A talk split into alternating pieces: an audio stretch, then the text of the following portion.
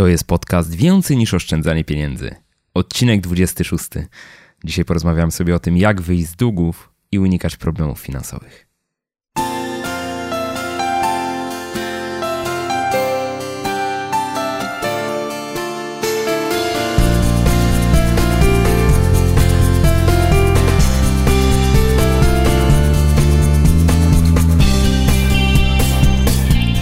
Cześć dzień dobry. Witam Cię w 26. odcinku podcastu Więcej niż oszczędzanie pieniędzy.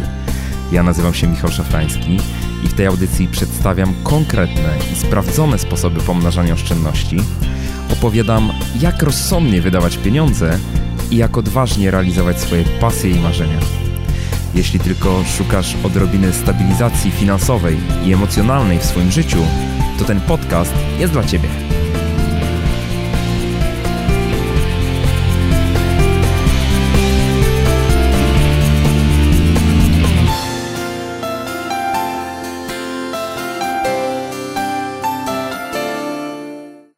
Dzień dobry.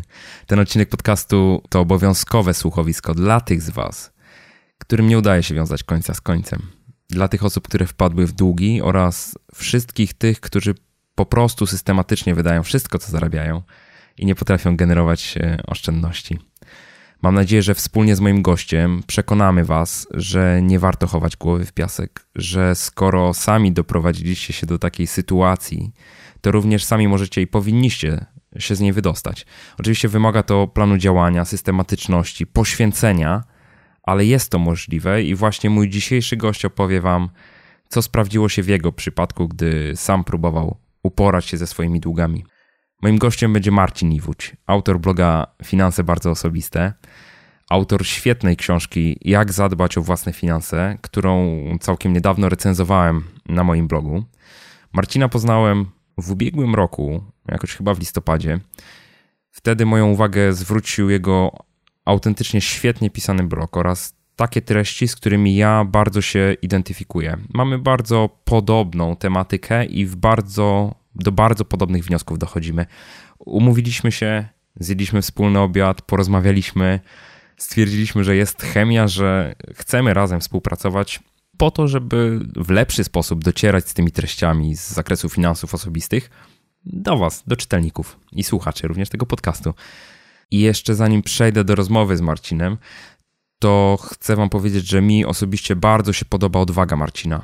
Pomimo, że pracuje on w branży finansowej, to nie wstydzi się mówić wprost, że w zasadzie no, prawdą jest przysłowie, że najciemniej pod latarnią. Pomimo swojego doświadczenia finansowego, wiedzy, którą zdobył, to on sam nie uniknął kłopotów finansowych. I dzisiaj poprzez blog, jak i swoją książkę dzieli się tymi doświadczeniami i pomaga innym osobom znaleźć się na takiej finansowej prostej. A szczególnie w przypadku tych osób, które mają trudną sytuację, mają długi, pomaga im zobaczyć to światełko w tunelu, uwierzyć w to, że można z tej sytuacji wyjść. Bardzo dużo ludzi z tej sytuacji po prostu wychodzi. Oczywiście wymaga to konsekwencji i pewnego planu działania, o którym właśnie za chwilę będziemy rozmawiać. Zapraszam Was do wysłuchania rozmowy z Marcinem. Cześć Marcin. Cześć Michał. Powiedz Marcin, kim jesteś i, i co robisz? Czyli rozumiem, że tutaj pani z portierni nie powiedziała ci, tak? Kto, nie, kto przychodzi? Nie, nie dała mi tej informacji. No ładnie zaczynamy z grubej rury, mocnym, egzystencjalnym pytaniem. No dobra, to zacznę od tych rzeczy, które są dla mnie absolutnie najważniejsze. No przede wszystkim jestem szczęśliwym człowiekiem. Mam żonę, którą bardzo kocham. Będziemy w tym roku mieli dziesiątą rocznicę ślubu. Podobnie jak u mnie. Tylko chyba osiemnastą rocznicę 18 ślubu. rocznicę ślubu. No, to jeszcze no. trochę. Dwie wspaniałe córy, Julę i Gabrysię, które też oczywiście bardzo kocham. Mieszkamy sobie na Ochocie w Warszawie z kotką Fruzią. O uczuciach do kotki nie będę się lepiej wypowiadał. Ale domyślam się, że bardziej, bardziej się pewnie te zawodowe rzeczy liczą, prawda? Tak, bo wiem, że masz taką przeszłość i teraźniejszość finansową chyba, nie? No tak, z, z, przeszłość agenturalną. Miał od y, prawie 11 lat pracuję w branży finansowej i myślę, że naprawdę nieźle tą branżę poznałem. Pracowałem zarówno w firmie ubezpieczeniowej, prowadziłem oddział detaliczny banku, byłem też dyrektorem finansowym w banku hipotecznym i przez jakiś czas finansowałem nieruchomości komercyjne, biurowce, centra handlowe, Także doświadczenie całkiem konkretne. No i od pięciu lat pracuję w TFI. Mhm. Natomiast taką moją prywatną, bardzo dużą pasją są finanse osobiste. I dlatego napisałem książkę, jak zadbać o własne finanse. Prowadzisz bloga. I prowadzę bloga, finanse bardzo osobiste, i to właśnie dzięki tej blogowej e, mojej działalności poznaliśmy się tak naprawdę. No właśnie, finanse bardzo osobiste pod adresem marciniwódź.com bez polskich znaków. Wszystkie y, adresy, które będziemy podawali w trakcie tego podcastu, linki do tych adresów znajdziecie pod adresem jakoszczędzaćpieniądze.pl ukośnik 026, tak jak 26 odcinek podcastu. No dobrze, Marcin. E, a powiedz, jak ty trafiłeś do finansów? Bo z tego, co gdzieś tam chyba czytałem kiedyś na twoim blogu, to planowałeś być lekarzem. No to prawda i to planowałem dosyć konkretnie, bo ja studiowałem medycynę przez 3 lata we Wrocławiu na Akademii Medycznej na Wydziale Lekarskim. Robiłem bardzo dużo, żeby zostać chirurgiem. Także wiesz, chodziłem na kółko chirurgiczne, asystowałem przy operacjach, także gdzieś tam po Dolnym Śląsku chodzi jakaś grupa ludzi, którzy mają zszyte łuki brwiowe, ręce, brody moimi rękami. Ale to jeszcze na studiach, czy, czy, czy już tak, na, tak, studiach? oczywiście. No, takie mhm. rzeczy już się robi. No ale w, na trzecim roku zachorowałem dosyć poważnie, musiałem wziąć urlop dziekański, przerwać te studia. Miałem trochę czasu do zastanowienia się, do przemyśleń i ostatecznie zdecydowałem się pójść na ekonomię. Skończyłem Akademię Ekonomiczną we Wrocławiu, no i teraz pracuję w finansach. Nie żałujesz tego, że nie jesteś lekarzem? Wiesz co, nie. nie po pierwsze, nie patrzę się nigdy za siebie, w, jeśli chodzi o takie rzeczy. Po drugie, czasami miałem takie chwile, że myślałem sobie, że kurczę, taka medycyna to jest coś, gdzie możesz w łatwy sposób pomóc innym. Mhm. I to daje na pewno ogromną satysfakcję. Ale wiesz co, prawda jest taka, że nie trzeba być lekarzem, żeby robić naprawdę fajne i dobre rzeczy. Uważam, że każdy zawód wykonywany dobrze, z pasją, z szacunkiem dla innych, może dać nie tylko satysfakcję, ale też sprawia, że nasze całe życie może być dużo bardziej wartościowe. Także absolutnie nie żałuję. Szczególnie, że na tej medycynie zebrałem naprawdę fajne doświadczenia. Wyobraź sobie taką sytuację, że masz 21 lat, mhm. siedzisz sobie w kinie, bawisz się dobrze w sobotę wieczorem, a w poniedziałek rano na zajęciach przychodzisz na sekcję zwłok i tam na stole leży ktoś w twoim wieku, który umierał wtedy, kiedy, no, kiedy ty się dobrze bawiłeś, nie? Masakra. To są takie wiesz, rzeczy, które bardzo pomagają poukładać sobie pewne sprawy w głowie i to mi przez całe życie bardzo pomaga. Także nie żałuję, uważam to za super doświadczenie, a poza tym jestem bardzo zadowolony z tego, co robię i z tego, jak żyję. No i dobrze, nie wracajmy do, do tych problematycznych tematów, których nie udało nam się w życiu sfinalizować tak, jak planowaliśmy, przynajmniej na początku. To może z innej beczki, bo zacząłeś też prowadzić bloga. To jest chyba dosyć nietypowe, jak na kogoś z branży finansowej i to jeszcze taką osobę, która rzeczywiście siedzi w tym po uszy. No to prawda ale to ma trochę związek z tym, że co, ja, ja bardzo wierzę, że dzięki tej mojej finansowej wiedzy i doświadczeniu, które zebrałem, można faktycznie w realny sposób y, pomagać innym osobom. Zresztą kto o tym wie lepiej niż ty, szczerze mówiąc. Także dzięki. Mówiłem ci już wiele razy, że jestem pod ogromnym wrażeniem tego, jak ty prowadzisz swojego bloga i jak pomagasz innym. Mówmy o tobie dzisiaj. Słuchaj, po tym jak poradziłem sobie z pewnymi finansowymi problemami, o których wiem, że będziesz mnie dzisiaj na pewno męczył. Będę cię pytał. to będę właśnie o to cię będę cisnął. No, zacząłem sobie spisywać takie różne porady związane z finansami osobistymi. Potem wpadłem na pomysł, że fajnie byłoby napisać taki krótki poradnik, może dla, nie wiem, dla moich dzieciaków, może dla rodziny, dla znajomych. I ostatecznie zrobiła się z tego książka. Ja ten rękopis, czy maszynopis, nie wiem, zwał jak zwał, wysłałem do kilku wydawnictw Mhm. Okazało się, że było to na tyle dobrze napisane, że odbiór był pozytywny. Oddałem książkę do druku i zacząłem prowadzić blog. Zależy mi bardzo, żeby na tym blogu przekazać parę takich prostych, jasnych zasad, dzięki którym jest szansa na to, żeby naprawdę zwiększyć albo zbudować finansowe bezpieczeństwo swojej rodziny, bo to jest jednak bardzo, bardzo ważne. No, przekonałeś się o tym na własnej skórze, nie? No, zdecydowanie. No właśnie, Marcin, ja wiem z Twojego bloga i z Twojej książki, teraz o tym też mówisz, że Ty miałeś problem z długami. Tak szczerze mówiąc, jestem trochę zaskoczony, ale wiem, że to tak, y, no niestety bywa, że nawet osoby z dużym doświadczeniem finansowym, Ty w końcu masz certyfikat CFA, Chartered Financial Analyst, certyfikat finansowy. Tak. E, siedzisz w branży finansowej po uszy, sam kredytów udzielałeś, y, wiesz jak to wszystko funkcjonuje, a jednocześnie mówisz, że no, wpadłeś w problemy finansowe. Od czego to się zaczęło? Słuchaj, y, znasz motto mojego bloga, że w finansach osobistych wiedza to raptem 20% sukcesu, cała reszta to zdrowy rozsądek. No i w moim przypadku tego zdrowego rozsądku naprawdę zabrakło. Podjęliśmy parę kiepskich decyzji finansowych tak naprawdę po drodze.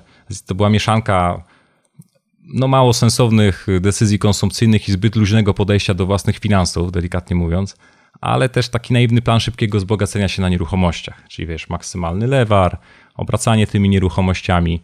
No, to, to fajnie działało na rosnącym rynku, ale to był rok 2008 i ten rynek dość szybko się skończył, a my zostaliśmy z trzema kredytami hipotecznymi i z 30 tysiącami kredyt, złotych kredytów mhm. konsumpcyjnych. E, takich zupełnie niepotrzebnych, w tym sensie, że ja nie mam pojęcia, na co te pieniądze się rozeszły, szczerze mówiąc. Mhm, mhm. Samochodu nowego, świetnego nie kupiłeś? No, świetnego nie, ale, ale no, to naprawdę były kiepskie decyzje. I co ciekawe, bo to był rok 2008, kiedy na świat przyszła Gabrysia, nasza, nasza druga córka, czyli czteroosobowa rodzina, a tutaj żadnych oszczędności i praktycznie 60%, nawet czasami ponad 60% naszych dochodów szło na spłatę rat. Ty pracowałeś, żona pracowała, ty pracowałeś w branży finansowej, pewnie nieźle zarabiałeś, co? No zarabialiśmy oboje całkiem przyzwoicie, tylko że wiesz, to nieważne ile się zarabia. No właśnie, no właśnie. Ważne ile, ile, ile zostaje. No i w naszym przypadku nie zostawało zbyt y, dużo. Ale co ciekawe, wiesz co, nie przejmowałem się tym specjalnie. Nie? To była taka słodka nieświadomość. Byłem przekonany, że dźwignia finansowa to jest absolutnie super narzędzie, że nie muszę w ogóle zmieniać niczego w tym, co robię. Także wakacje były przyjemne, weekendowe wypady do spa, narty we Włoszech, no po prostu dolce vita. Kurczę, Michał, jak patrzę na to z perspektywy czasu, to nie, nie boję się nazwać rzeczy po imieniu. To było głupie. No, no. No ale to y, y, tak zastanawiam się, wiesz, w którym momencie następuje ten moment przebudzenia czy, jak, jak to wyglądało w Twoim przypadku? Kiedy zdałeś sobie sprawę, że no, ten model nie ma przyszłości, tak mówiąc delikatnie zupełnie? No właśnie, widzisz, to jest najdziwniejsze, bo na początku jest taki całkowity luz wynikający z ignorancji. Nie? To jest całkiem normalne. Wszyscy dookoła zadłużają się, wszyscy korzystają z kredytów i każdy trzeźwo myślący człowiek powinien się lewarować. Tylko kurczę, fakt, że coś jest normalne, nie oznacza, że przestało być głupie. Nie? Fakt, że coś naokoło, e, znaczy, że inni naokoło robią to samo, tak? Bo to jest. Dokładnie, mieliśmy jest... spotkania, dyskusje z kolegami, jak to fajnie jest, tu będziemy kręcić e, niezłe interesy, prawda? Wykorzystywać swoją wspaniałą zdolność kredytową. Wszystko fajne, ale to trzeba robić z głową i trzeba zrobi, robić w przemyślany sposób. Jak dołożymy do tego takie niefrasobliwe, nieodpowiedzialne e, postępowanie z własnym domowym budżetem, to jest przepis na finansową katastrofę. Także y, pytałeś o to, co, jakie było to przebudzenie. No właśnie, co, co, co, co cię tknęło, czy po, popchnęło do tego, żeby jednak ten problem w jakiś sposób rozwiązać? Albo inaczej, co działo się w twojej głowie w tym momencie? Znaczy, to, to nie była jakaś jedna konkretna sytuacja na mhm. początku, no ale wiadomo, że rok 2008 w branży finansowej też był, też był trudny. Ja między innymi musiałem zmienić pracę, a że bardzo zależało mi, żeby dołączyć do TFI, no to zgodziłem się pójść tam na takich warunkach, że za 50% swojego dotychczasowego wynagrodzenia i w dodatku nie na umowę o pracę, tylko na zastępstwo za inną osobę, mhm. więc na sporym ryzyku. To jeszcze dodatkowo nam e, dało do pieca, że tak powiem. Ale i tak cały czas był luz, wyparcie rzeczywistości. Taki typowy przykład gościa, który spada z dziesiątego piętra. Mhm. Jak się go pytasz na drugim, jak się czuje, to mówi, że jest super, nie? Bo nie Dopóki dość, się nie roztrzasnę. Tak, tak, czuję się świetnie i do tego jeszcze lecę. Także taka trochę mentalność Kena i Barbie, nie? Fasada na zewnątrz, wszystko jest ok, a pod spodem trochę kiepsko. Także pierwszy sygnał to były te spadające ceny nieruchomości, osłabienie się franka. Ja siadłem i tą swoją percepcję, że jestem takim zorganizowanym, sensownym i finansowo pokadanym gościem, zestawiłem z twardymi faktami na papierze. Mhm. Zrobiłem pierwszy raz budżet porządny, zrobiłem zestawienie aktywów i pasywów, no i zobaczyłem, że jest kiepsko. Zobaczyłeś minus tak naprawdę. No. E, najlepsze jest to, że wiesz, na początku nie wiedziałem za bardzo, co z tym fantem zrobić. Ja nie mam raczej zwyczaju panikować. Nauczyłem się tego na medycynie, jak asystowałem przy operacjach, że na najgorszej sytuacji trzeba być spokojny, trzeba zachować spokój. Ale na początku zacząłem działać dosyć intuicyjnie i przypadkowo. Także sytuacja nasza się poprawiała, ale bardzo, bardzo wolno. Udało nam się zwiększyć zarobki i to był na pewno solidny oddech, bo część nadwyżek mogliśmy przeznaczyć na nadpłaty kredytów. Tyle tylko, że cały czas były wysokie wydatki. Więc wiedziałem, że to nie do końca hula. I na takie y, faktyczne rozwiązanie trafiłem dość przypadkowo. Tylko, że to chyba tak jest, że wiesz, jak stawiasz sobie właściwe pytania, no to życie podsuwa nam właściwe odpowiedzi. I w moim przypadku to była taka, tak, taka śmieszna sytuacja. Dość dobrze pamiętam, to było około 3 lata temu. Kupiłem sobie telefon zainstalowałem sobie aplikację do podcastów i tam na tej aplikacji były takie przykładowe audycje i między innymi był show Dave'a Ramseya. Mhm. Dave Ramsey to jest kto? Powiedzmy słuchaczom. No to jest, nazwijmy sobie go taki amerykański guru finansów osobistych, który pomaga ludziom wychodzić z zadłużenia i robi to naprawdę w no, niesamowity sposób. Dave Ramsey ma, tak informacyjnie, Dave Ramsey ma w Stanach Zjednoczonych audycję codzienną, chyba w 400 stacjach radiowych ogólnie to leci, więc to jest po prostu no coś, fenomen amerykański, tam jest gigantyczna liczba osób zadłużonych, którym trzeba Tak, ale, ale robi to naprawdę rewelacyjnie i pokazuje super rzecz, pokazuje to, jak połączyć emocje z konkretnym planem działania, Dokładnie. żeby pozbyć się długu. I jak ja usłyszałem jakąś audycję, wiesz, ktoś tam mówił swoją historię, jak to wyszedł z długów, spłacił 40 tysięcy dolarów i nagle zrobili ten taki słynny u Dave'a Ramseya debt free count, tak? 3, 2, 1, I'm debt free! Tak. Kurczę, no to, to, to było, wiesz co, stwierdziłem, cholera, ja, ja też tak chcę. Ja nie chcę mieć żadnych długów. Po co mi one? I to był taki moment, który naprawdę do dziś pamiętam i który bardzo przyspieszył ten cały proces oddłużania się. Mhm.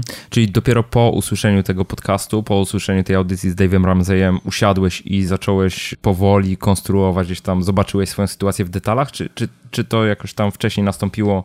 Po prostu musiałeś, e, ten podcast był takim momentem e, zapalnym, takim zapalnikiem do działania. Wiesz co, sytuację znałem, bo ja już wcześniej sobie to policzyłem, sprawdziłem, wiedziałem, że jest kiepsko i już razem z moją żoną podjęliśmy działania, żeby to poprawiać, tylko że to było takie działanie po omacku. Po omacku. Mhm. I wiesz, bez emocji, tak trochę no może spłacimy, może nie spłacimy, to, to może nie sprzedamy to mieszkanie, mocnej nie, motywacji. Nie, nie tak? ale po tym stwierdziłem, że naprawdę trzeba po prostu nacisnąć na maksa pedał gazu i zrobić wszystko, żeby pozbyć się tych długów. I powiem Ci, że te ostatnie trzy lata były fenomenalne pod tym względem. No dobra, to przejdziemy przez te trzy lata, ale powiedz od czego zacząć, czyli jakie, jakie były te pierwsze kroki w Twoim y, przypadku i, i kiedy w zasadzie zauważyłeś takie pierwsze światełko w tunelu, że, że jesteś na, no, no, na dobrym torze tak naprawdę? Wiesz co, taka pierwsza, najważniejsza rzecz, no to nazwać rzeczy po imieniu. Tak? Nie, nie ściemnać samego siebie, że jest dobrze, mhm. tylko powiedzieć sobie, że jesteśmy po uszy w długach i że te długi są e, do kitu i trzeba się ich jak najszybciej pozbyć. I to że widać... sami się doprowadziliśmy do tej sytuacji, tak? W stu procentach, tak? I że sami powinniśmy się nią zająć, że nikt nas nie wyręczy. Tak, że to facet, którego co rano oglądam w lustrze, jest odpowiedzialny za tą sytuację. Ta sytuacja mnie bardzo wkurzała. Bardzo wkurzała, bo uświadomiłem sobie, że po iluś tam latach pracy, po iluś latach dobrego zarabiania, jestem w gorszej sytuacji niż byłem na początku. I co więcej, że nie potrafię zapewnić finansowego, e, finansowego bezpieczeństwa, bezpieczeństwa. swojej rodzinie. Mhm. I to naprawdę był taki moment, kiedy stwierdziłem, że trzeba absolutnie wszystko zmienić. I ta zmiana podejścia, myślę, to jest bardzo ważna rzecz. To jest kluczowy moment, kiedy trzeba o 180 stopni odwrócić swoje myślenie o długach, nie traktować ich jako wygodnego narzędzia, tylko po prostu stwierdzić, że to jest coś, co jest złe, co drenuje nasze kieszenie i czego jak najszybciej trzeba się pozbyć. Mhm, mhm. No dobra, no to pierwszy krok. No dobra, no pierwszy krok, jak już e, dochodzimy do wniosku, że mamy dość, że nie chcemy tego węża w kieszeni, nie, nie, nie chcemy tego, co nam drenuje nasze kieszenie, to właśnie włączyć emocje na maksa, wkurzyć się, wkurzyć się na siebie, wkurzyć się na tą całą sytuację i rozpocząć coś, co ja nazywam wojną z długami. Tak? Mhm. Dług no, to wróg. Propagujesz to w swojej książce, więc to myślę, że możemy spokojnie spróbować przejść przez cały ten scenariusz, zastanowić się, jak tu pomóc tym osobom, które być może są po drugiej stronie i właśnie czekają na, na, na jakieś wskazówki. No to pierwsza rzecz, y, dług to wróg, a to jest wojna. Czyli wypowiadamy, wypowiadamy wojnę, włączamy, włączamy emocje. Druga rzecz, trzeba zahamować ekspansję tego wroga. Czyli żadnych dodatkowych kredytów, żadnych dodatkowych pożyczek. I ja naprawdę to popieram pocięcie kart kredytowych. To jest drastyczny krok, ale w sytuacji, kiedy jest się zadłużonym, kiedy nie panuje się do końca nad e, swoim domowym budżetem, on bardzo, bardzo pomaga, bo stawia nas w sytuacji bez wyjścia, a człowiek w takiej sytuacji staje się mega kreatywny. A poza tym bardzo fajnie to włącza emocje. No, z jednej strony stawia w sytuacji bez wyjścia, z drugiej strony daje takie poczucie kontroli, tak? Czyli nad czym się decyduje, bo ten problem, z którym ja się często spotykam w przypadku osób zadłużonych, którym, którym gdzieś tam pomagam od czasu do czasu, to jest też taki, że często będąc w długach po prostu nie myślimy racjonalnie, zachowujemy się nieracjonalnie, czyli wyłączamy to racjonalne myślenie, o którym ty powiedziałeś. No i niestety, no właśnie stawiamy się w takiej sytuacji, w której idziemy z prądem, tak? Kontynuujemy to, co robiliśmy dotychczas, a co robiliśmy dotychczas? Dotychczas się zadłużaliśmy po prostu. O, robienie tych samych rzeczy, oczekiwanie innych rezultatów to Jest. definicja szaleństwa, tak? Jak powiedział, jak powiedział Einstein, także w 100% się zgadzam. Czyli tak, tniemy karty kredytowe. Tak jest, zahamujemy. Karty kredytowe być może są fajnym instrumentem w rękach osób odpowiedzialnych, a w rękach osób zadłużonych one są zbyt łatwo dostępne, zdecydowanie. Także hamujemy tą ekspansję wroga, tniemy karty, idziemy dalej. No, żeby sobie poradzić na takiej wojnie z długami, potrzebujemy amunicji, mhm. czyli musimy zrobić wszystko, żeby wygospodarować w naszym budżecie domowym nadwyżki. I na to jest, są trzy moim zdaniem sposoby. Pierwsze, wycinamy wydatki do kości. Drugie, sprzedajemy co się da. I trzecie, robimy wszystko, żeby zwiększyć dochody. Mhm. I zaczynając od tych y, wydatków, budżet domowy to jest naprawdę niesamowita rzecz. On pokazuje, jak wiele w naszym życiu jest zachcianek, rzeczy, które nie są potrzebne i jak mnóstwo kasy przepływa nam tak naprawdę między palcami.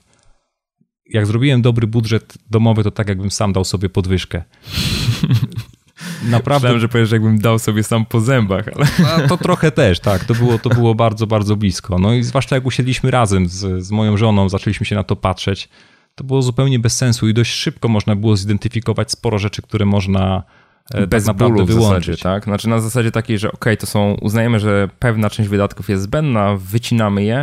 Dokładnie, bo jakby się tak popatrzeć racjonalnie, no to co, mamy jedzenie i picie, mamy jakieś wydatki na lekarstwa, trzeba opłacić mieszkanie, transport do pracy, ubranie, dziękuję. To tak, są tak naprawdę potrzeby. Tak, schronienie, ostatnie. Tak jest. Pięć głównych potrzeb człowieka. Mhm. Cała reszta to są większe lub mniejsze zachcianki. My jesteśmy świetni w udowadnianiu sobie, że to są potrzeby oczywiście i że musimy to mieć, musimy sobie kupić, ale jak jesteśmy w takiej kryzysowej sytuacji bez wyjścia i kiedy potrzebne są pieniądze, żeby pozbyć się długu, no to dość łatwo można w tym budżecie domowym wygospodarować jednak jakieś dodatkowe nadwyżki.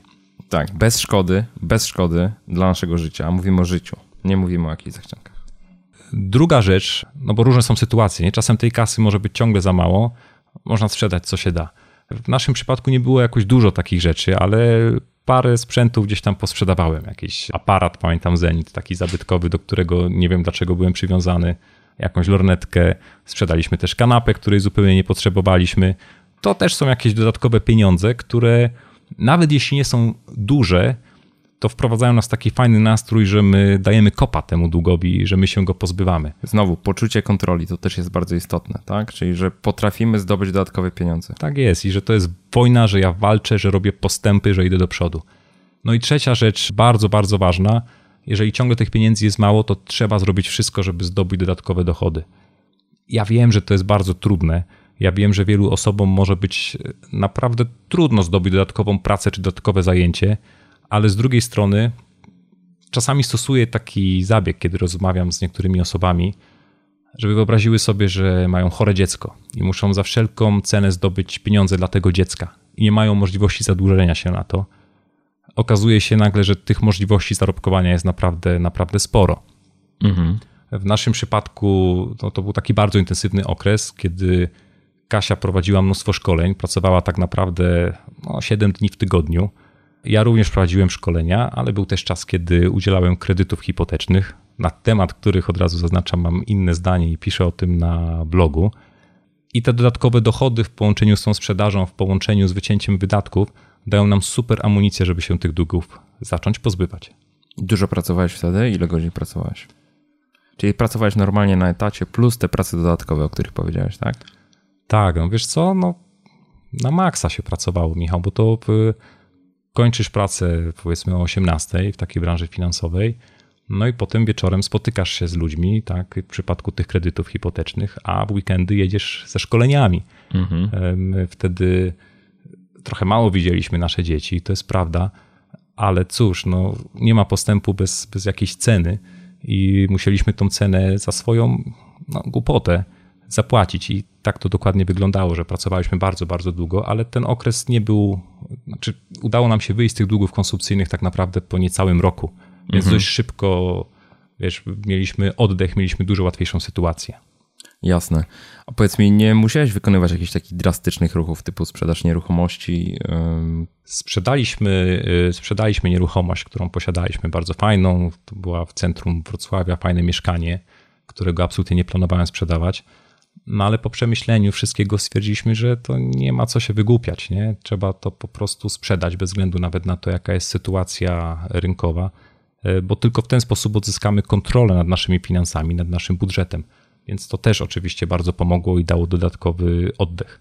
Mhm. No dobra, czyli kolejny krok to jest, y, tak jak powiedziałeś, zebranie tej amunicji, wycięcie wszystkich wydatków, sprzedanie tego, co się da, co nie jest nam potrzebne. Ja bym powiedział, nawet posunąłbym się dalej w takiej podbramkowej sytuacji, to jest sprzedanie wszystkiego, co nie służy nam do zarabiania pieniędzy.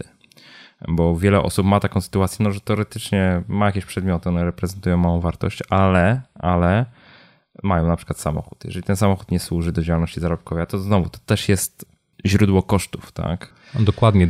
takie trudne sytuacje wymagają drastycznych posunięć. Niestety. My nie wpadliśmy w taką klasyczną spiralę długów. Chociaż było bardzo blisko, bo gdyby coś się stało, nie wiem, gdyby... gdyby kto, ko, ktoś z was, znaczy ty albo Kasia, gdybyście stracili pracę, to prawdopodobnie no Absolutnie. Mogli, to by była, się popłynąć. To by mhm. była bardzo trudna sytuacja i bylibyśmy ugotowani. Powiedziałbym, że udało nam się o włos przez to przejść, ale emocji takich negatywnych z tym związanych było dużo, więc ja pomimo tego, że nie byłem w takiej klasycznej spirali długów, mogę sobie tylko wyobrazić, jak ogromny stres przeżywają osoby, które faktycznie w taką spiralę wpadną i jak bardzo potrzebują one w takiej sytuacji pomocy. Między innymi dlatego jestem takim mega zagorzałym wrogiem długów. No i to widać na Twoim blogu. Dobrze, to przejdźmy krok dalej. Czyli y, załóżmy, że już zebraliśmy tą amunicję. W jaki sposób za tą walkę z długami się zabrać. Ja kiedyś o tym pisałem na blogu, ty o tym piszesz na blogu, także wszystkich odsyłamy oczywiście tak na nasze blogi, ale może omówmy te takie najważniejsze kroki. No, trzeba zrobić plan ataku, tak? Czyli zrobić taką porządną ewidencję naszych wszystkich długów, zobaczyć ile ich jest, jakiego rodzaju są to długi, jakie jest oprocentowanie. Na moim blogu można pobrać sobie taką tabelkę, do której możemy sobie wpisać wszystkie informacje o tym zadłużeniu i ułożyć je w odpowiedniej kolejności. Teraz co to znaczy? No, wiele osób jest zadłużonych na przykład w spółdzielni mieszkaniowej, czy we wspólnocie, tak, czy w zakładzie energetycznym. To są pierwsze rzeczy i pierwsze długi, których trzeba się pozbyć, bo nie chcielibyśmy siedzieć po ciemku w domu, tak, w nieogrzewanym mieszkaniu, więc absolutnie od tego należałoby zacząć. Na drugi ogień puściłbym wszystkie chwilówki, takie pożyczki oprocentowane na nieprawdopodobne kwoty.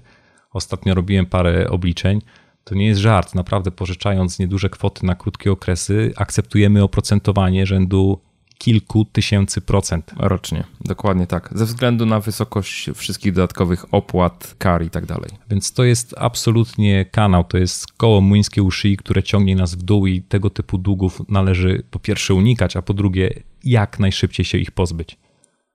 Pozostałe długi, tutaj już jest ta fajna metoda kuli śnieżnej Dave'a Ramsaya, czyli ustawienie ich w kolejności od najmniejszego zadłużenia do największego i atakowanie jeden po drugich, jeden po drugim, przy czym wiadomo, że jak spłacimy ten pierwszy, najmniejszy, to pieniądze, które przeznaczaliśmy na jego spłatę, możemy potem przeznaczyć na spłatę drugiego. Kolejnego. Mhm. Wykreślamy sobie dług z listy i to daje takiego fajnego dodatkowego kopa i znów atakujemy drugi dług. On znika, mamy jeszcze więcej pieniędzy i atakujemy trzeci. I w ten sposób z tej małej śniegowej kulki robi się ładna lawina, która bardzo szybko może pomóc nam pozbyć się całego zadłużenia.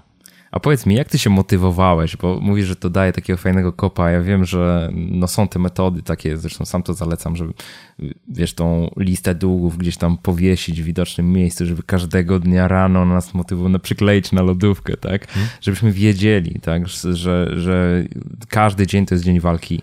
Jak to u ciebie wyglądało? Ha, y, listę długów to noszę, nosiłem, już jej nie mam na szczęście a w zasadzie mogę ją zostawić na pamiątkę ku przestrodze, ale, ale podarłem ją i wywaliłem.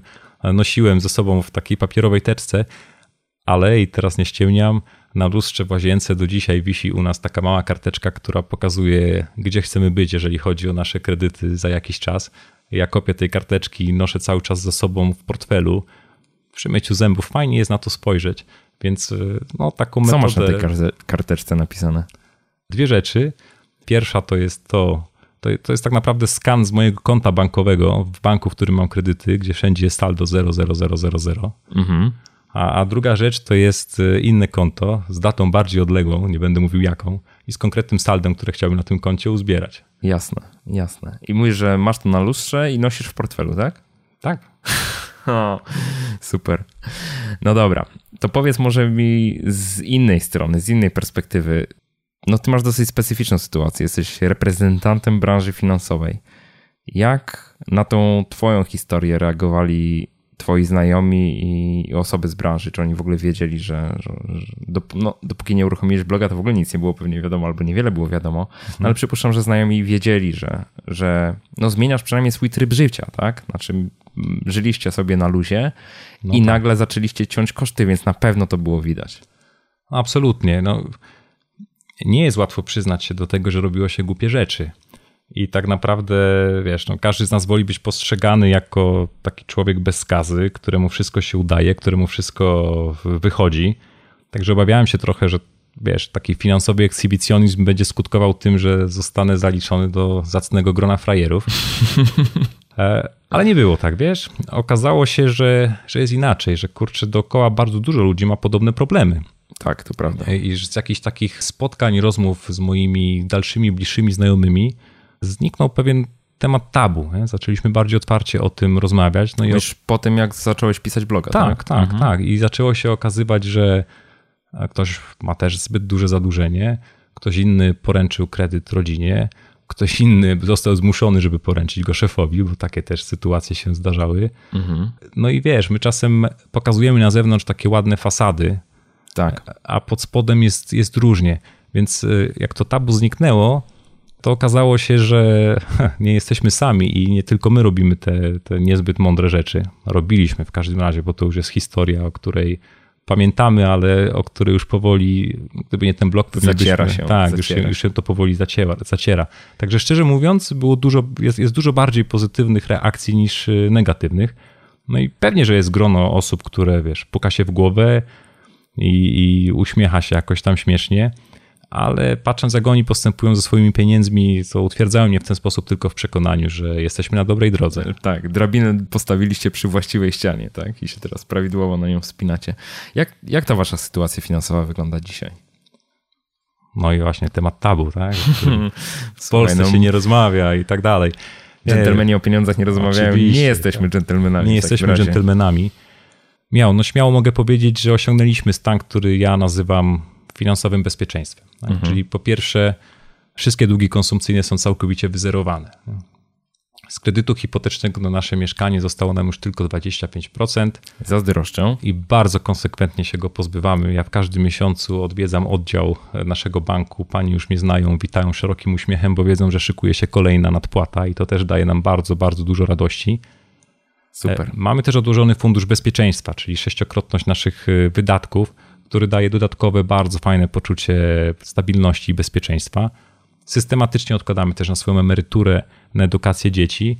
No i tak naprawdę, gdybym wszystko musiał dzisiaj sprzedać, spakować się i wyjechać, to moglibyśmy zabrać ze sobą konkretną kwotę. Także to działa, to naprawdę działa. To są proste, zdroworozsądkowe zasady, ale jeżeli się dobrze do tego przyłożymy, to one są też bardzo, bardzo skuteczne. Dużo bardziej niż wszelkie, wiesz, zakręcone plany szybkiego bogacenia się. Muszę ci zadać takie pytanie, bo ty jesteś osobą, tak jak powiedziałeś, która mm, no sporo zarabia, powiedzmy w porównaniu do średniej krajowej. Jak sądzisz w ogóle, czy oszczędzanie, bo często mi takie pytanie zadają oczywiście czytelnicy, słuchacze, osoby postronne, które wiedzą co robię, czy wiesz, czy mając małe dochody w ogóle da się oszczędzać? Da się oszczędzać. Ja może nie mówię tego na swoim przykładzie, ale mówię to na przykładzie wielu osób, które znam, którym gdzieś tam pomagam. Małe dochody to jest rzecz względna, tak naprawdę. Owszem, są sytuacje, kiedy jedynym sposobem jest wzrost zarobków. I tak. To nie ma co się oszukiwać. Zawsze, zawsze to zalecamy, to jest oczywiste. Kurczę, mhm. Michał, no całe te finanse można sprowadzić do jednego prostego równania. Zarobki minus wydatki równa się oszczędności. Pierwsza rzecz, róbmy wszystko, żeby te zarobki zwiększyć. Druga rzecz, róbmy wszystko, żeby te wydatki trzymać e, pod kontrolą. Na racjonalnie niskim poziomie. I generujmy oszczędności, które będziemy mądrze odkładać i inwestować. Nic, nic więcej tak naprawdę nie potrzeba, gdyby to sprowadzić do takiej najprostszej formy. Nasze babcie doskonale o tym pamiętały, nie? No, stuprocentowo, tak? Czyli wnuczku, wydawaj mniej niż zarabiasz i tak dalej. Nieważne ile zarabiasz, ważne ile, ile, ile zostaje.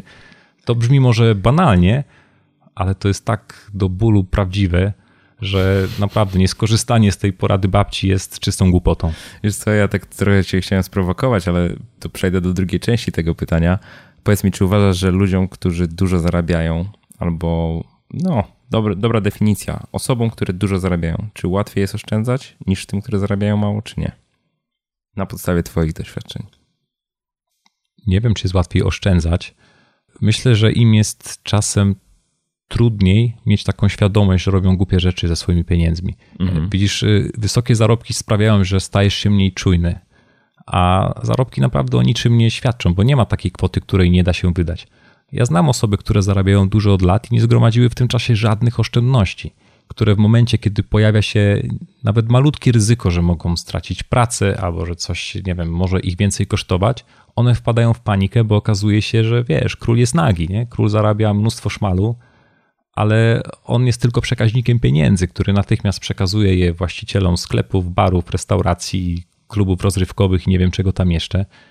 Także znów to wszystko jest w głowie i to nie zależy tak do końca od tego, ile się zarabia. Tylko od podejścia. Myślę, że wiele osób, które może nie zarabiają dużo, ale zarabiają takie pieniądze, które pozwalają im w rozsądny sposób gospodarować budżetem domowym, jest w lepszej sytuacji finansowej niż e, ci, którzy jeżdżą wypasionymi samochodami na kredyt. Mhm, mhm. No, wróciliśmy znowu, zatoczyliśmy koło i wróciliśmy do budżetu domowego w gruncie rzeczy. No widzisz, a pamiętasz e, te komentarze, które były pod tym artykułem, w którym była recenzja twojej książki z odpowiedzią, dlaczego nie prowadzę budżetu domowego? No, to było, to było genialne. To było genialne. Naprawdę bardzo serdecznie wszystkim wam dziękuję za te komentarze.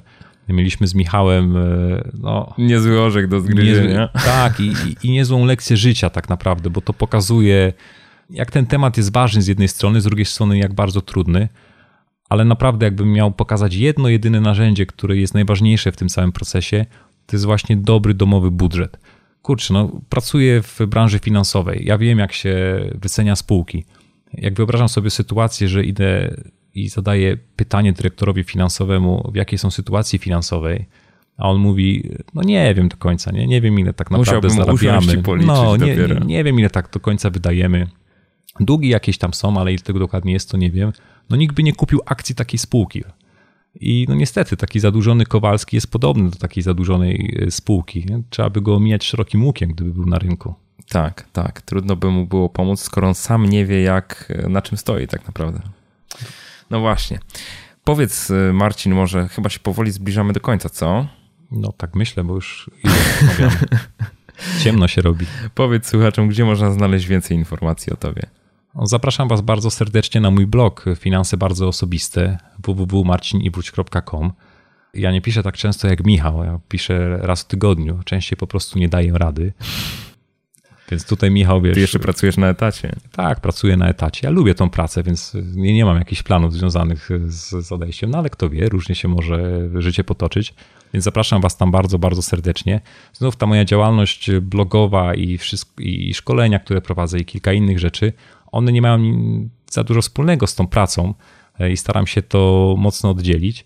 To jest po prostu ogromna pasja, którą staram się rozwijać i tak naprawdę komentarze moich czytelników i wiadomości, które od nich dostają, dostaję, bardzo, bardzo pomagają mi utrzymać motywację i robić to, więc sprawia mi to dużo satysfakcji i zamierzam to jak najdłużej oczywiście kontynuować. Wydałeś też książkę. Pochwal się. No tak, no ty mnie już pochwaliłeś Oj, na swoim blogu. Dziękuję raz. bardzo za recenzję. Może słuchacze nie czytali tej recenzji na blogu. No, książka Jak zadbać o własne finanse, która ukazała się nakładem wydawnictwa Edgard z takiej serii Samosedno. Bardzo serdecznie zapraszam was do lektury. Włożyłem w nią mnóstwo serca, żeby była napisana w lekki, łatwy do czytania sposób i mam ogromną nadzieję, że pomoże wielu osobom w tym, żeby poukładać swoje finanse. Wiesz co, Marcin, zanim cię wypuszczę jeszcze, to spróbujmy może odpowiedzieć na pytania, które zadali czytelnicy na, na Facebooku. Ja tam opublikowałem wczoraj taki apel, zapowiadałem, że będziemy wspólny podcast nagrywać i między innymi Kasia zapytała, zadała nam pytanie następujące. Co lepiej zrobić? Nadpłacać kredyty, jeśli ma się z czego, czy raczej nadwyżki odkładać i inwestować, a kredyty spłacać zgodnie z harmonogramem? Co mhm. proponujesz? To zależy jakie kredyty. Mhm. W książce też poukładałem to w takich 10 logicznych kroków.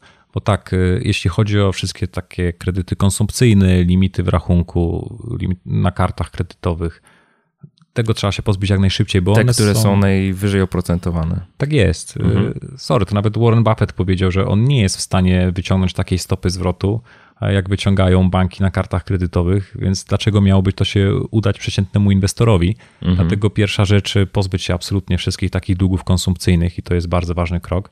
Jak to zrobimy, no to trzeba by było jak najszybciej zbudować poduszkę bezpieczeństwa, czyli coś, czego nie traktujemy jeszcze jako inwestycji, ale jako takie zabezpieczenie. Bufor finansowy taki. Tak jest, pomiędzy nami a, a, a prawdziwym życiem, tak? które, które często no, może płatać nam figle.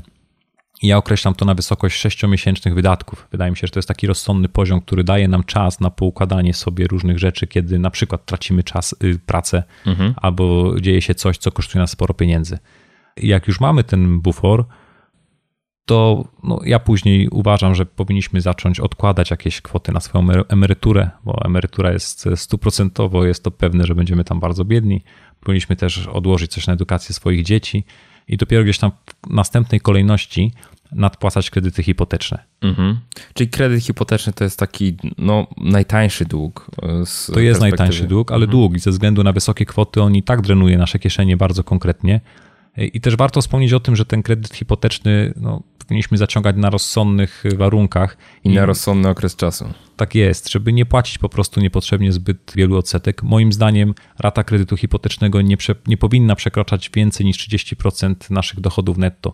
Jeśli robi się więcej, no to już jest naprawdę groźnie, więc nie przesadzajmy też z poziomem tych kredytów. Zadłużenie się. Czyli tak wprost odpowiadając na pytanie Kasi, jak najbardziej warto nadwyżki odkładać, inwestować, zwłaszcza, w, znaczy odkładać tak naprawdę, zwłaszcza wtedy, kiedy jeszcze ich nie mamy, kiedy nie mamy takiej poduszki bezpieczeństwa, a gdy już mamy tą poduszkę bezpieczeństwa, można myśleć dopiero wtedy o no, nadpłacaniu tych długów, które, tego długu hipotecznego. Tak, bym jest, bo jak nadpłacimy kredyt hipoteczny na przykład i coś się wydarzy, a my nie mamy poduszki bezpieczeństwa, no to będziemy musieli sięgnąć po ten dużo droższy dług konsumpcyjny. Także Tak. to trzeba robić w odpowiedniej kolejności i do tej kolejności też przywiązuję sporą wagę i na blogu i w książce. Super. To inne pytanie. Pozostań sobą napisała. Ja z troszkę innej perspektywy widzę i poznaję osoby, które po takiej spirali długów się ześlizgują, ale one często nie widzą swego problemu. Banki im to ułatwiają. Jak im pomóc, zanim uderzą w ścianę? Czy warto po prostu poczekać, trzymając rady takie jak twoje na podorędziu? A może masz jakiś sprawdzony sposób interwencji? No właśnie. To jest mega trudne. To jest mega trudne, dlatego że przemówić komuś do rozsądku, kto jest święcie przekonany, Kto że nie widzi to jest problemu. super rzecz, to jest, to jest e, no, wręcz niemożliwe, tak?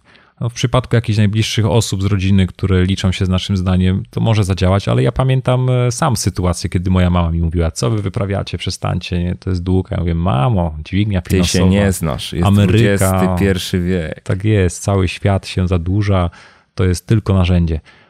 To jest bardzo trudne i no, nie wiem, wydaje mi się wręcz niemożliwe, szczerze mówiąc, żeby pomóc komuś, jeżeli on tego problemu nie widzi. I to jest właśnie największy problem w ogóle osób zadłużonych, że mm, często uświadamiamy sobie ten problem dopiero wtedy, kiedy jest za późno i, i trudno się odnaleźć w takiej sytuacji, to prawda.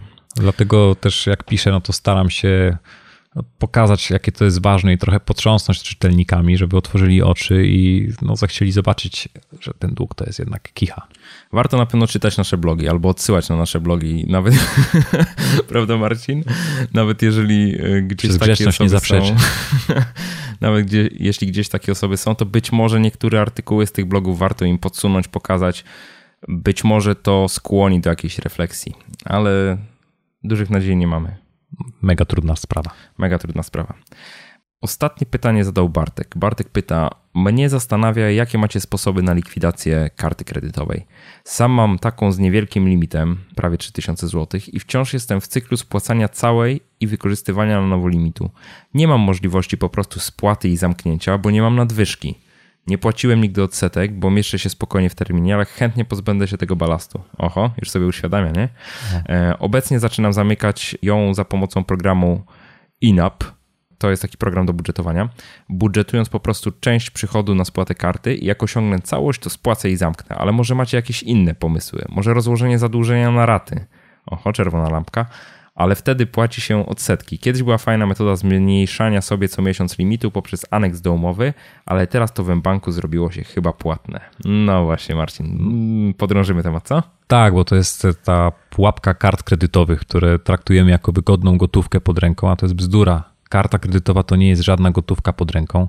Jest tam mnóstwo osób, które mają karty kredytowe i dlatego, że nie płacą odsetek, uważają, że nie są zadłużone, a tak naprawdę jak tylko pieniądze wpływają na ich konto, to w pierwszej kolejności muszą pójść na spłatę karty kredytowej i te osoby nie są w stanie przeżyć bez tej karty kredytowej, czyli tak naprawdę są zadłużone, są bardzo blisko poważnych problemów finansowych. One jeszcze nie płacą od tego odsetek, ale ten w cudzysłowie tani pieniądz bardzo szybko może się zamienić w bardzo drogi pieniądz, kiedy okaże się, że nie są w stanie tego zadłużenia z jakichkolwiek powodów spłacić. A wracając do pytania Bartka, taka sama zasada jak przy pozbywaniu się innych długów, tak? Dokładnie. Czyli tniemy na maksa wydatki. Tak. Szukamy dodatkowych źródeł przychodu. A jeżeli trzeba, to sprzedajemy wszystko, co się da. I po prostu spłacamy tą kartę i zamykamy. Nożyczki do ręki. Zdecydowanie. Ta odległość jest rzeczywiście malutka, bo to jest. Yy... Ja, ja, ja, się często nad tym zastanawiam. To jest autentycznie no, brak jednej pensji albo konieczność zakupienia na przykład ubezpieczenia samochodu, którego żeśmy nie zaplanowali. I znów wracamy do tematu budżetu i do tego, żeby bardzo solidnie podchodzić do swoich pieniędzy, żeby wszystko planować, patrzeć. Naprawdę, no my jesteśmy trochę takim chodzącym biznesem, jeśli popatrzymy się na nasze finanse osobiste i powinniśmy równie profesjonalnie podchodzić do tych naszych finansów. Tylko w ten sposób uda nam się jak zebrać solidne pieniądze. Dlatego no, czekam, Michał, bo ty zdaje się niedługo wypuścisz pierwsze szkolenie na temat budżetu? Planuję, planuję, ale nie będę jeszcze reklamował. będzie, na to, będzie na to czas, będzie na to okazja. Ja także się zgadzam z Marcinem, że budżet, zresztą tematyka budżetu domowego to była pierwsza taka poważna tematyka na moim blogu dwa lata temu, jak zaczynałem. I do dzisiaj ten cykl Zaplanuj budżet domowy, cykl artykułów, które są bezpłatne, dla każdego z Was dostępne. On się cieszy bardzo dużym zainteresowaniem. I ja, ja już się cieszę, że są osoby, które korzystając z, tej, z tych porad, które ja wtedy dawałem, czy z tej instrukcji, którą dawałem, jak krok po kroku sobie taki budżet skonstruować, zaplanować, realizować, bilansować, jak y, zarządzać również nieregularnymi przychodami czy nieregularnymi wydatkami.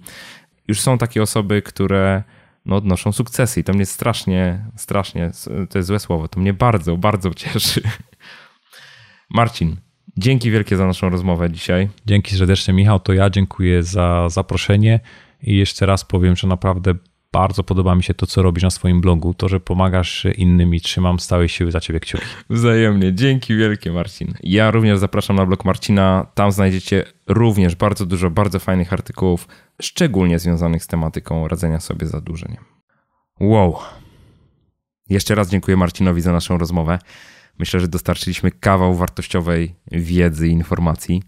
Tobie przypominam, że notatki do tego odcinka podcastu możesz znaleźć pod adresem jakoszczędzaćpieniądze.pl ukośnik 026, tak jak 26 odcinek podcastu. Tam znajdziesz wszystkie linki, także zdjęcia z naszej wspólnej mini sesji zdjęciowej z Marcinem, w trakcie której podpisywaliśmy książkę, 20 egzemplarzy książki, które rozdaliśmy czytelnikom bloga. Marcin w trakcie naszej rozmowy zaczął już sprzedawać wam mój kurs Budżet domowy w tydzień. Niestety prace nad nim mi się przeciągają i to znacznie bardziej niż bym chciał, ale zależy mi na tym, by dać wam taki produkt, który będzie prawdziwą pomocą w tej waszej nierównej walce z budżetem. I jeśli trzeba będzie, to opóźnię jego premierę nawet o miesiąc.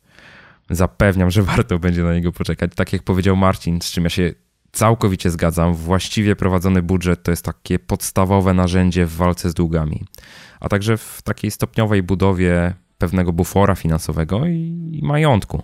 Z mojej perspektywy to jest także podstawowy element dający nam poczucie bezpieczeństwa finansowego. Coś, czego znaczenie naprawdę trudno jest przecenić. Następny odcinek podcastu ukaże się za dwa tygodnie. Będę w nim opowiadał o książkach, które moim zdaniem warto przeczytać. Takie subiektywne zestawienie moich osobistych perełek, które kiedyś gdzieś zainspirowały mnie do działania, pomogły mi zdobyć dodatkową wiedzę, no, którą dzisiaj wykorzystuję w tym moim blogowaniu i ogólnie w życiu. Pytacie mnie czasami, jakie książki polecam, jakie książki warto przeczytać. Kilka z tych książek jest wymienionych u mnie na blogu, ale postaram się Wam pokazać kilka dodatkowych, kilka więcej opowiedzieć, trzy słowa o nich. Jeśli macie jakiekolwiek pytania dotyczące tego tematu, albo na przykład chcielibyście mi zasugerować jakąś książkę, jakąś lekturę, to śmiało zachęcam Was do kontaktu. Można pytania mi zadawać również głosowo. Na te pytania postaram się odpowiedzieć w trakcie podcastu. Aby nagrać takie pytanie, wystarczy wejść pod adres jakoszczędzaćpieniądze.pl ukośnik nagraj. Można również oczywiście w komentarzach je publikować, czy, czy przesłać także do mnie mailem. Uff, to już końcóweczka. Ja tą końcóweczkę nagrywam w piątek 2 maja, także w środku długiego weekendu. Mam nadzieję, że Tobie on minął bardzo, bardzo fajnie. Ja jeszcze nie zdążyłem rozpocząć wypoczynku. Przedwczoraj, 30 kwietnia, podpisywałem umowę z kolejnym partnerem elementarza inwestora. Wczoraj przed południem byłem w Dzień Dobry TVN, opowiadałem o kredytach hipotecznych. Wróciłem do domu, odpowiedziałem na maila i szczerze mówiąc poszedłem spać. Także cały dzień przespałem. Dzisiaj to nagranie podcastu, pracę nad kolejnym artykułem, pracę znowu nad tym kursem budżet domowy w tydzień. Także weekend zapowiada mi się bardzo, bardzo pracowicie, ale absolutnie tego nie żałuję, bo mi się pioruńsko podoba to, co robię. No. I tym optymistycznym akcentem zakończę dzisiejszy odcinek. Dziękuję Ci za to, że mnie słuchasz. Dziękuję za ten wspólnie spędzony czas. Życzę Ci skutecznego przenoszenia Twoich celów finansowych na wyższy poziom. Do usłyszenia za dwa tygodnie.